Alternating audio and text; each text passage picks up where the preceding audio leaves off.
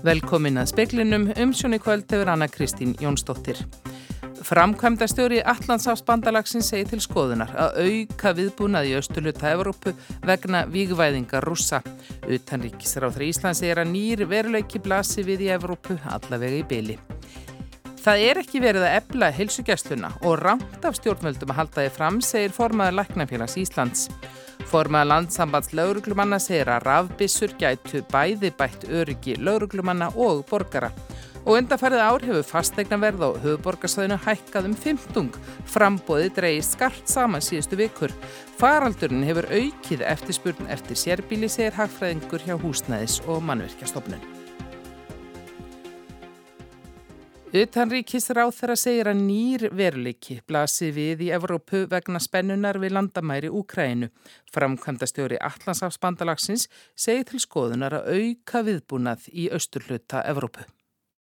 Tveggja fundur varnarmálaráð þeirra Allandsafsbandalagsins hófst í Brussel í dag. Jens Stoltenberg, framkvæmda stjóri NATO, helt fréttamannafund eftir að fundi var slitið í dag. Þar saðan meðal annars til skoðunar að auka viðbúnaði í austuluta Evrópu vegna yfirvofandi hættu á innrás rúsa í Ukrænu. Til greina komi að styrkja varnir og viðnám allarsasbandalagsins meðal annars með því að fjölga hersveitum í mið- og suðaustur Evrópu. Þetta helst í hendur við yfirlýsingar Stoltenbergs frá í morgun þar sem hann sagði flest benda til þess að rússar væru að auka viðbúnaði sinn við landamæri í Ukrænu. Það stangast eins verið alveg á við fullirðingar áðamanna í Moskvu sem segja fyrirhugðum heræfingu sínum við landamæri Úkrænu lokið og að veri sé að flytja hluta hellisins í burtu. Þórtís Kolbrún Reykjörg Gilvardóttir utanríkisráð þeirra satt fundin í Brussel fyrir hönd Íslands. Það er alveg ljóst að í raun allir hér hafa mjög þungar áhyggjur af stöðinni og tölvast um það rætt líka að jafnvel þótt það verði ekki bein innrás að þá horfum við í raun fram á nýtt norm eða nýjan veruleika að minnstakosti um tíma vegna þess að alvarleg hlutir hafi þegar gerst. Nánar að vera rætt við Þórtísi Kolbrunu síðar í speilinu. Birta Björnsdóttir tók saman. Heilsugjastlan hefur setið eftir síðustu ára maður til formans Læknafélags Íslands. Það sé ekki verið að ebla þjónustuna eins og stjórnvöld hafi haldið fram. Stjórnvöld hafa komið til móts við heilsugjæsluna síðustu ár með auknum framlögum til sérverkefna en Steinun Þorðardóttir, formaður Læknafélags Íslands, segir að framlög til grunnþjónustu heilsugjæslunar hafi dreyist saman síðan 2018 þegar hort sér til verðbólgu og launavísitölu.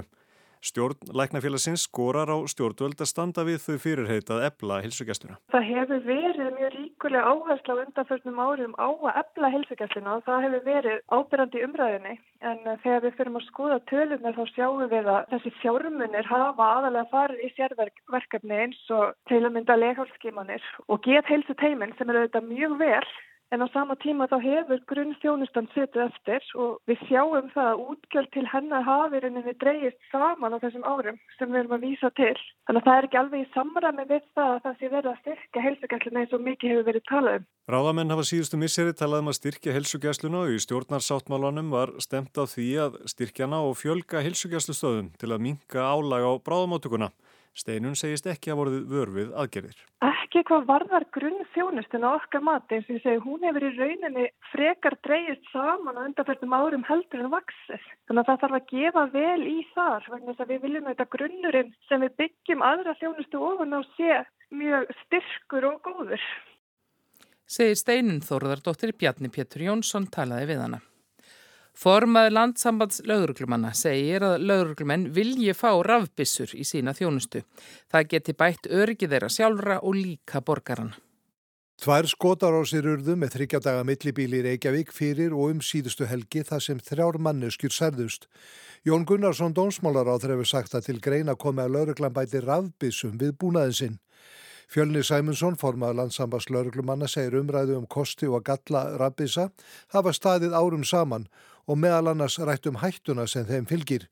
Dæmi síni að ítla geti farið til dæmis ef skotir á mannesku með gangráð eða slíkt. Pressa frá, frá lögurlumunni sjálfum hefur þessu að fá eitthvað tæki þar sem þið geta yfirbúða fólk úr fjarlag og þá hefur talað um þessar afbísu sem verður meira að skoða þar og svo hafa verið skoðað svo kallar boltabísur líka sem það er komið svona stittur og vekt en þetta sko, þetta er aðalega sko, hugsaðs bæði sem öryggi sko laurglumanna og borgarana að, að, að, að það þurfu ekki að lenda í líkanlegum átökum heldur sér að þetta yfirbúa fólk úr, úr fjarlægð. Til þess hafi lauruglan núna piparúða en margir telli rafbissur betri en að fá úðan í augu eða húð. Næsta tæki sér kilva sem skadi geti hlotist af. Fjölnir segir slísin verða helst þegar lauruglanlendir í átöku með æst fólk í annarlegu ástandi.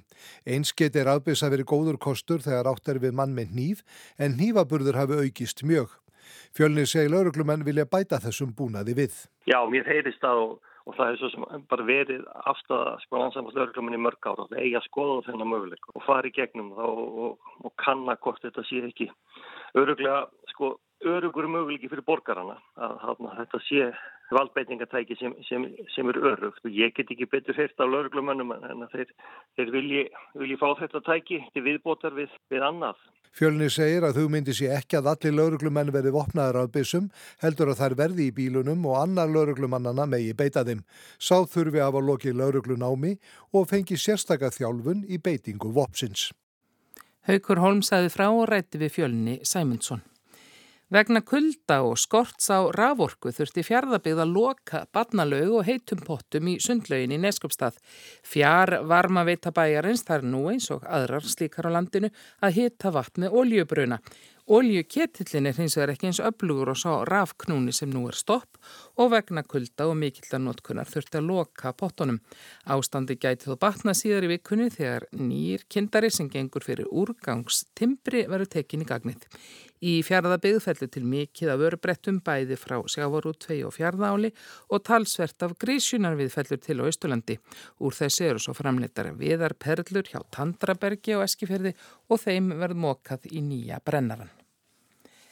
Langanisbyggð, viðbræðsaðilar og heilbriðistofnun Norðurlands hafa undirritað vilja yfirlýsingu um að komi verða á fót björgunarmiðstöð á Þórshöfn.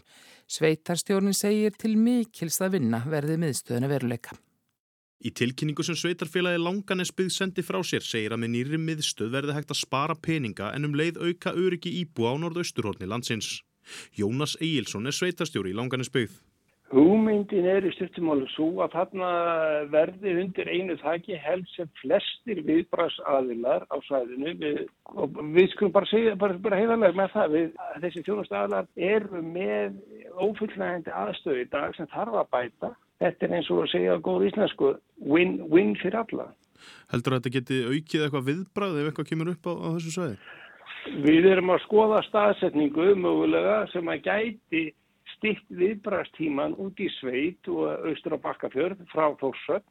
Já, við teljum það að þetta gæti verið þarna til mikilega bóta. Saði Jónas Egilson, Óðinn Svan Óðinsson talaði við hann. Guðmundur Ingi Guðbrandsson, félags- og vinnumarkaðsráð þeirra hefur veitt styrki nýtt verkefni hjá Ási, styrtarfélagi. Þá ebla atvinnu þáttöku fallaðsfólks og almennu vinnumarkaði. Styrkurinn hljóðar upp á 21,5 miljón króna og vinnumála stopnun falið að útferða. Þjálfa á ungt fólk með föllun til starfa á almennum vinnumarkaði, hjálpa því að finna vinnu og aðstóða við að haldenni. Mikil áhersla verður lögð á samstarfi fyrirtæki og fá einstaklingar bæði fræðslu og starfstjálfun í nýju mánuði. Eftir að þeim tíma líkur á starfsmæðunum kosta á að fá vinnu hjá fyrirtækinu eða öðru sambærilegu hafa hann staðist þær kröfur sem til hans eru gerðar og breyðafjörðarferjan Baldur bilaði í höfninni í Stikisholmi áður hún lagði úr höfn í setni ferð dagsins. Farþegar voru komnir um borð en nú verið að ferja þá á hótel í Stikisholmi. Gunnlaugur Grettisson, framkvæmdastjóri Sæferða, segir þetta sé smávægileg bilun. Það geti færið svo að silt verði síðar í kvöld en annars að öllum líkjundum eftir áallun á morgun. Síðastlina 12 mánuði hefur fastegna verð á höfuborgarsvæðinu hækkað um rúm 20%. Frambóð á íbúðarhúsnað á höfuborgarsvæðinu hefur dreist saman um rúmlega fjórðung á tveimur mánuðum. Á sama tíma hefur meðal kaupverð hækkað mikið. Nýjar tölur frá þjóðskrá gefa til kynna að fastegnaverð haldi áfram að hækka. Það hækkaði um 1,7% frá desember fram í januar sem er litlu minni hækkun en millir november og desember. Í Hagsjá Hagfræðadildar landsbankans í dag er bent á að 12 mánada hækkun sérbílis á höfuborgarsvæðinu hefur ekki verið meiri frá árinu 2006.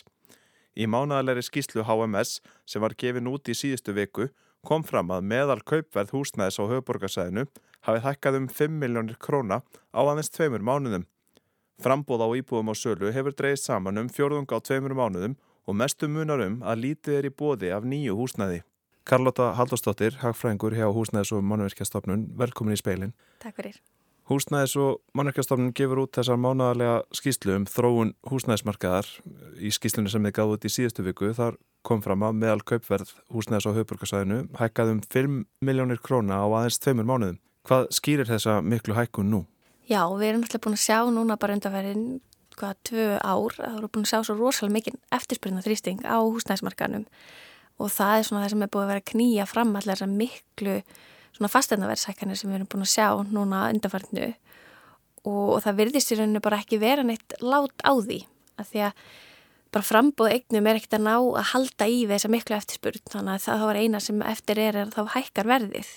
Þannig að það er svona sem við hefum verið að sjá en uh, það var svona tali kannski að það væri svona aðeins fara að hægjast á núna undarfarni mánuðum en, en það hefur svona senstu tveir mánuður hafa sínt að svo er ekki þannig að það er nú að viðbúið að þetta haldi nú eitthvað áfram Og svo ef maður lítur á lengra tímabilað í Hagfræðadeildar landsbankars í dag, það er bent á að 12 mánuða hækkun sérbílis á höfuborgarsæðinu Það hefur ekki verið meira frá því árið 2006 sem árum fyrir hrun. Hvað segir þetta okkur? Já, það er einmitt það sem við erum búin að sjá núna á fastunumarkaði er að það er miklu meira eftirspurn eftir sérbíli og það er kannski nokkur þættir sem hafa verið að spila þar inn í og það er svona meðal annars að í COVID að þá að fólk svona vildi meira rými kannski með heimaskrifst og heimagym og allt þetta. Þannig að fólk fóru að sækjast meira í stærri eignir og sama tíma vorstu með styrjavastalækanir og þá sástu, veist, þá er náttúrulega bara, hafði fólk frekar efni á því að færa, færa sig í dýrareignir og, og þannig að þetta eru kannski þessi þættir sem að valdi því að eftirspurnin eftir sérbíl hefur aukist rúslega mikið og á sama tíma hefur líka veist, séð að það hefur miklu meira verið byggt af fjölbíli. Það bæði náttúrulega þéttingastefna og svona bara eftirspurnin eftir einstaklingsýbúðun hefur verið mikil þannig að það hefur verið byggt minna af sérbíli þannig að þetta eru kannski svona þessi þættir sem að spila þann inn í að, að það hefur verið bara mjög mikil eftirspurt þar En er ekkert að hægast á markanum? Eru stýrivaksta hækkanir ekki farnar að býta eða hafa tilætlið áhrif á að kjæla markaðin? Já, það er meitt góð spurning. Uh, þeir voru náttúrulega orðið mjög lágir, þeir voru náttúrulega bara farnir undir 1% og, og ennþá eru þeir bara sögulega lágir, komin hann í 2,75 Uh, og við erum alltaf ennþá ekki farin að sjá áhrifin af nýjustu vakstahækunni og valla kannski þeirri senustu, þú veist það er alltaf svolítið töfa á svo markaði, bæði þú veist kaupsamlingar eru undirskrifaðar og þetta ferli teku kannski mánuð, sex vikur. Svo fáum við gögnin mánuði setna og svo náttúrulega bankarnir líka þurfa að breyðast við þessum hækunum þannig að við munum kannski ekki sjá þessi áhrif fyrir kannski 2-3 mánuði svona allavega fullu þannig að þá við erum ennþá að sjá bara þessa miklu eftirspurn og en ég ger nú ráð fyrir að, að það muni hafa áhrif og það er svona ætlinir með þessum hækkunum er að kæla markaðin en við erum allavega ekki ennþá fann að sjá það. Þessar miklu hækkanir, hverjum kemur þetta mest niður á? Hvað því er þetta eins og fyrir ungt fólk og þá sem er á leikumarkaði? Þetta er kannski hópurinn sem verður svona einna vest úti Eh, ef það er hægt að segja það, marðandi þessar stýrvægstækkanir og, og það er kannski hópunum sem er ekki komin inn á markaðin. Að því að þó að við finnum fyrir því í áborgunum á lánum að það sé verið að hækka út af stýrvægstækkunum að þá er, það, þá er við allavega eignast meira íbúðinni, íbúðverðar hækka þannig að þá móti færðu það. En fyrir fólk sem er ekki inn á markaðinum að þá eina sem þau sjá er bara að íbúðverðar hækka. Veist, þannig að þetta er svona hópurinn sem að og það verður alltaf sífælt erfvera fyrir þau að fara inn á markaðin en svo móti kemur og, og það er kannski það sem að þyrta að gera stemmit núna og hefur verið tilfellið að þá þarf hefur ofinbæra að stíga inn í til þess að aðstofa þennan hóp. Af því að það er náttúrulega erfitt að komast inn á markaðin og, það er náttúrulega ímis úrræði, við erum að sjá hlutildalánin, við erum að sjá úrræði varandi sérignarspartnað og, og hérna og líka verður þau geta tekið herri lán svona, með herra veðlutfall þannig að það eru ymsar aðgerðir sem eru til þess fallnar að hjálpa þessum hópi. En á sama tíma já þá hann verður vissilega svolítið út undan og svona það gerir þeim erfiðar að komast inn á markaðin, klárlega. En sjáu þið eitthvað þess efnis að já, þetta vaksi fólki reynlega bara í augum að það leggja ekki í þessi háu verð og flytti ég eftir? Já, ég held að það hljóti nú að koma tímapunktur en maður er svolítið búin að vera býð eftir að hann komi og við erum ekki búin að sjá hann og við erum búin að sjá, þú veist, bæði íbúður að fara, veist, það er bara komið hérna, yfir 40% íbúðum sem er að fara á yfirverði og, og bara allar þessar hækkanir sem við erum búin að sjá, við erum að sjá 20% hækkun á einu ári. Þú veist, þannig að maður hefði alveg haldið að verði væri komið þangað að, þú veist, fólk væri svona, nei, heyrðu, nú, nú hefur bara gefna á þessu lengur en að því verðum ennþá með til til að lága vexti að það virðist fólk ennþá bara geta keft sér eignir. Eða vonaði að verði haldi áfram að hækka? Já, ég held að það muni klálega haldi áfram að hækka. Þú veist, við erum ekkert að sjá sagt, að það dragi úr eftirspurna þrýstingum. Það er ennþá svo mikið af fólki sem vil kaupa sér eignir og sama tíma er frambóðið ekki næjanægt og, og það hefur dreyið úr um, sagt, byggingum íbúða á fyrstu stegum Þannig að það er ekki viðbúið að það komi inn ykkur fleiri íbúðir og, og jafnvel muni vera byggt minna heldur en þörf vera á. Þannig að veist, við munum örgulega sjá fram á það verð einhver skortur á frambóða íbúðum. Það er allavega ekki að fara að leysast á frambóðsliðinni og eftirspurðan þrýstingun er ennþá til staðar. Þannig að það er í rauninni fátt annað heldur en verð hækkanina sem er að fara að stoppa, stoppa þetta af. Við komumst ekki að lengra að sinni. Karolota Haldurstóttir, takk hjá alla fyrir komuna í speilin. Já, takk fyrir.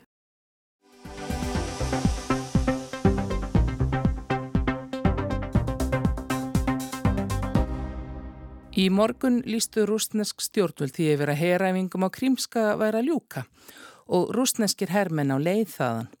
Þetta hljómar eins og verið sé að draga úr umsöðum þessu eldfima svæði en í vesterinu efast mennum að hugur fylgi máli. Stór hluti rúsnesku herdeildana sem er á förum frá Krímskaga fór í búðir sem eru nokkra tíu kílometra frá landamærunum á Ukrænu því ekki langt í þar komið til innrásar rússa í Ukrænu eða aftur bæ, verið bætt í umsjöf þeirra við landamærin. Öryggismál í Evrópu og ástandið í og við Úkrænu enda aðal umræðefni varnarmálar á þeirra Allansáfsbandalagsríkja sem hittust á fundi í Brussel í Belgíu í dag. Rússar hafa krafist þess að NATO lýsi yfir að Úkræna verði aldrei fjela í bandalæginu en því hafa menn þar á bæ hafnað. Jens Stoltenberg, framkantastjóri bandalagsins, saði í dag að þrátt fyrir yflýsingar rússa um að herlið hefðir kallað frá landamærunum virtist þvert á móti sem rússar væru enn að bæta í hernaður umsöf sín þar. Þessi átök hafa að nokkru leiti snúist um Allandshafsbandalæðið og mögulega aðild Úkræna því. Þrátt fyrir að því hafi verið afdráttalust hafnað að taka fyrir ingöngu Úkrænumanna efast margir um að Úkræna gæti hefur höfuð mætt skilurum fyrir ingöngu þá segja sumir af hverju á að taka svona afdráttalus afstöðu. Það hugnast ekki þeim sem telja það ígildi þess að Vladimir Putin, fórseti Rúslands, gefi fyrirmæli um afstöðu NATO til nýra félaga. Greinandi Ritsins Forna Fers veldir fyrir sér þessu samhengi hvort var í betri kostur fyrir Úkræna gangi NATO eða ekki, telur þeirri spurningu ekki auð svarað. Eiginlega niðurstaðan svo að hvoru kostur sé góður. Einn dregin niðurstaði hvora áttina sem væri gæti aukið á sundrungu og deilur innanlands og ítt undir óstöðuleik á svæðinu. Tillegur um hvernig megi gæta öryggis Evrópu án þess að taka tillit til stöðunar í Úkrænu sjálfri geti aldrei orðið til góðs. Í austurluta Úkræni eru rúsnesk áhrif rík í tungumáli trú og menningu. Þeir Úkrænumenn sem þar búa vilja ekki sína rúsum ofinberan fjandskap eða fara í stríð og þó að rúm 60% úkrænumann í heldina séu hlið hol NATO greinir mjög á eftir héröðum og uppruna. Niðurstaða greinandans er svo að Úkræna verða að fá aðstóð til að vinna gegn sundrungu innanlands og til að tryggja stöðuleika á svæðinu og í Evrópu verði að tryggja stöðuleika í Úkrænu. Þórdís Kolbrún Reykjörg Gilvadóttir, utaríkisráð þeirra, var á fundi varnarmálaráð þeirra NATO í Brussel í dag og fundahöldum haldið áfram á morgun. Það er alveg ljóst að í raun allir hér hafa mjög þungar áhyggjur af stöðinni og tölvast um það rætt líka að jafnvel þótt það verði ekki bein innrás að þá horfum við í raun fram á nýtt norm eða nýjan veruleika að minnst okkarstu um tíma vegna þess að alvarleg hlutir hafi þegar gerst. Þannig að það eru svona þessi ríka áhersla sem betur fer og eðlilega á að diplomatisk löst finnist og fólk leifir sér að vona það besta en búa sig vissulega undir það að, að rúsar ákveði að láta til skara skrýða sem að myndi auðvitað hafa mjög alvarlegar afleðingar fyrst og fremst fyrir almenna borgara í Úkrænu en myndi líka hafa mjög alvarlegar afleðingar bara fyrir öryggi og, og fríði okkar heimsluta. Þórtís Kolbrún segir erfitt að leggja mata það hvort líklegra eða ólíklegra sé að russar ráðist inn yfir landamæri Úkrænu eftir því sem framvindur staðan séur einn ekki í línulegu ferli. Vegna þess að það er svona bara breytist í raun, það líði ekkur klukkustundir og og fólk fyrir að meta stöðuna með öðrum hætti og svo getur það breyst tilbaka og þetta er, þannig að það er bara þessi gríðarlega óvisa og fólk reynir að byggja á bestu mögulegu upplýsingum. Það er líka mjög erfitt. Ég held að sjálf að segja engin vitur umverulega hvað muni gerast en það fer eiginlega bara eftir hvað klukkan er og hvað dagur er sko. Hvort fólk leifir sér að vera bjart sínt eða, eða það er, eða bjart sínin hverfur sko. Þannig að við fylgjumst mjög náið með, við reynum að, að hérna, lesa í stöðuna vonum það besta og búum okkur undir það besta. Þú myndist það að menn svona kannski sjá fram á mjög svona breyta heimsmynd burt sér frá spennunni ef að allt fyrir á vestaveg og, og þeir fara þarna inn. Hvern, hvaða áhrif sjá, sjá mann fyrir sig eða sér þú fyrir þér að það myndi hafa?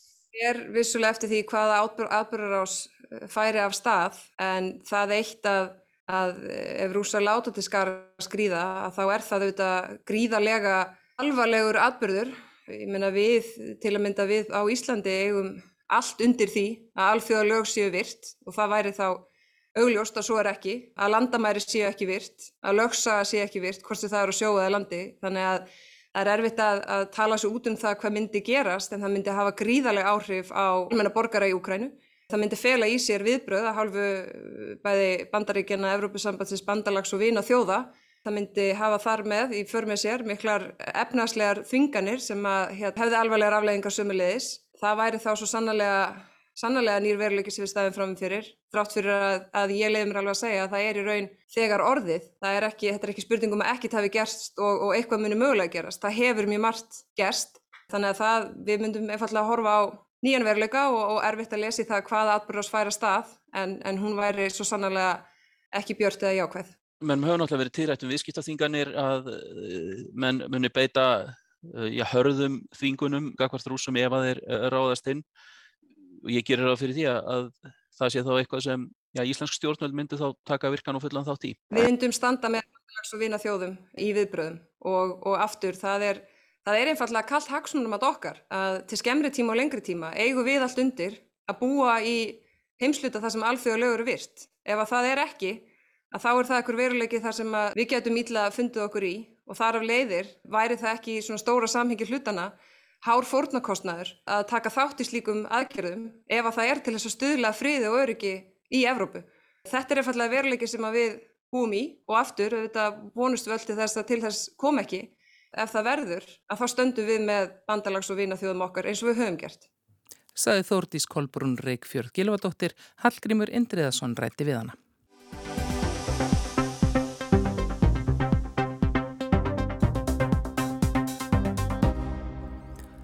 Mörg hundruð njósnarar kunna vera virkir í Svíþjóða mati sænsku leinithjónustunar.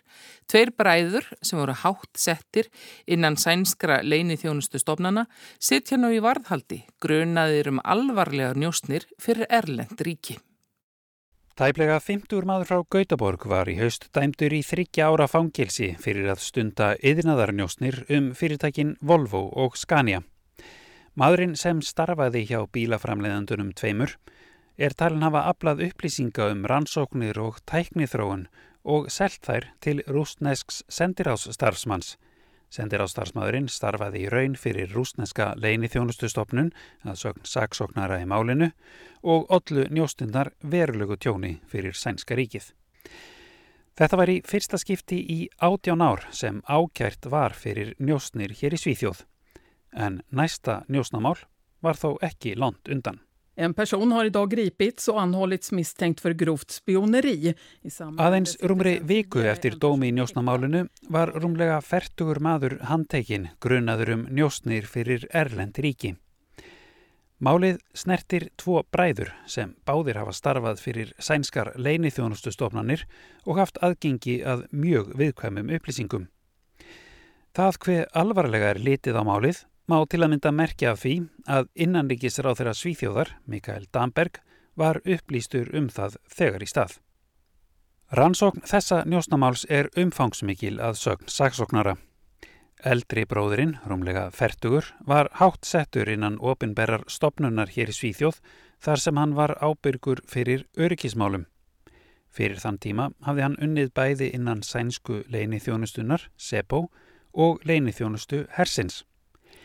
Hjá hernum starfaði hann hjá allra leinilegustu deildinni innan leini þjónustu Hersins, deild þar sem meðal annars er unnið að njósnastarfsemi á erlendri grundu. Í þeim störfum hafði maðurinn aðgangað afar leinilegum og mjög viðkvæmum upplýsingum. Yngri bróðurinn starfaði einnig fyrir sænsku leinithjónustuna um nokkur ára byl. Hann er grunaður um brot sem gætu varðað ævilangt fangilsi. Saksóknari segir að bræðurnir hafi starfað fyrir Erlend ríki og gerst segir um alvarlegar njósnir. Brotin hafi staðið yfir í heilan áratug. Þessi njósnamál tvö hafa bæði vakið mikla aðtekli, enda alvarleg.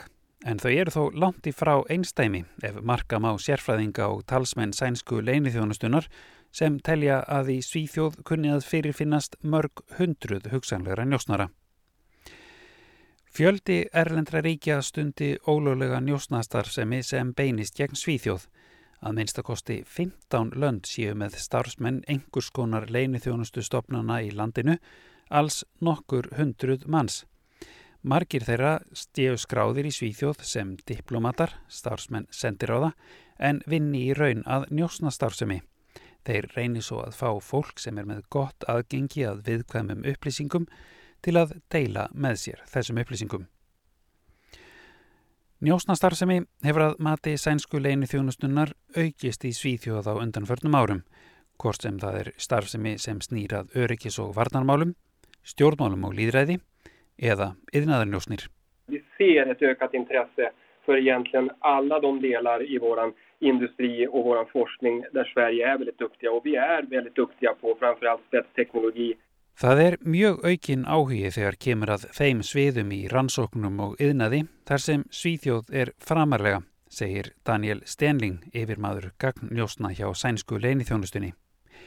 Fyrirtæki þurfi að gera betur til að verja viðkvæmar upplýsingar sérstaklega upplýsingar sem Erlend ríki gætu séð sér haga því að komast yfir.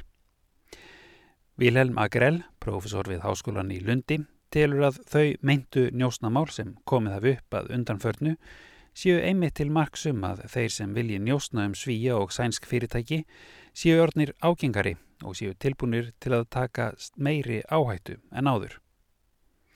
Sankant umfjöllun fjölmera hér í Svíþjóð lítur sænska leini þjóðundan svo á að nokkur ríki hafi áhuga á njóstnum hérlendis, svo sem Íran og Kína, en Rúsland sé þó í alveg sérstakri stöðu. En svo eru reyndar fleiri ríki sem stunda njóstnir í Svíþjóð.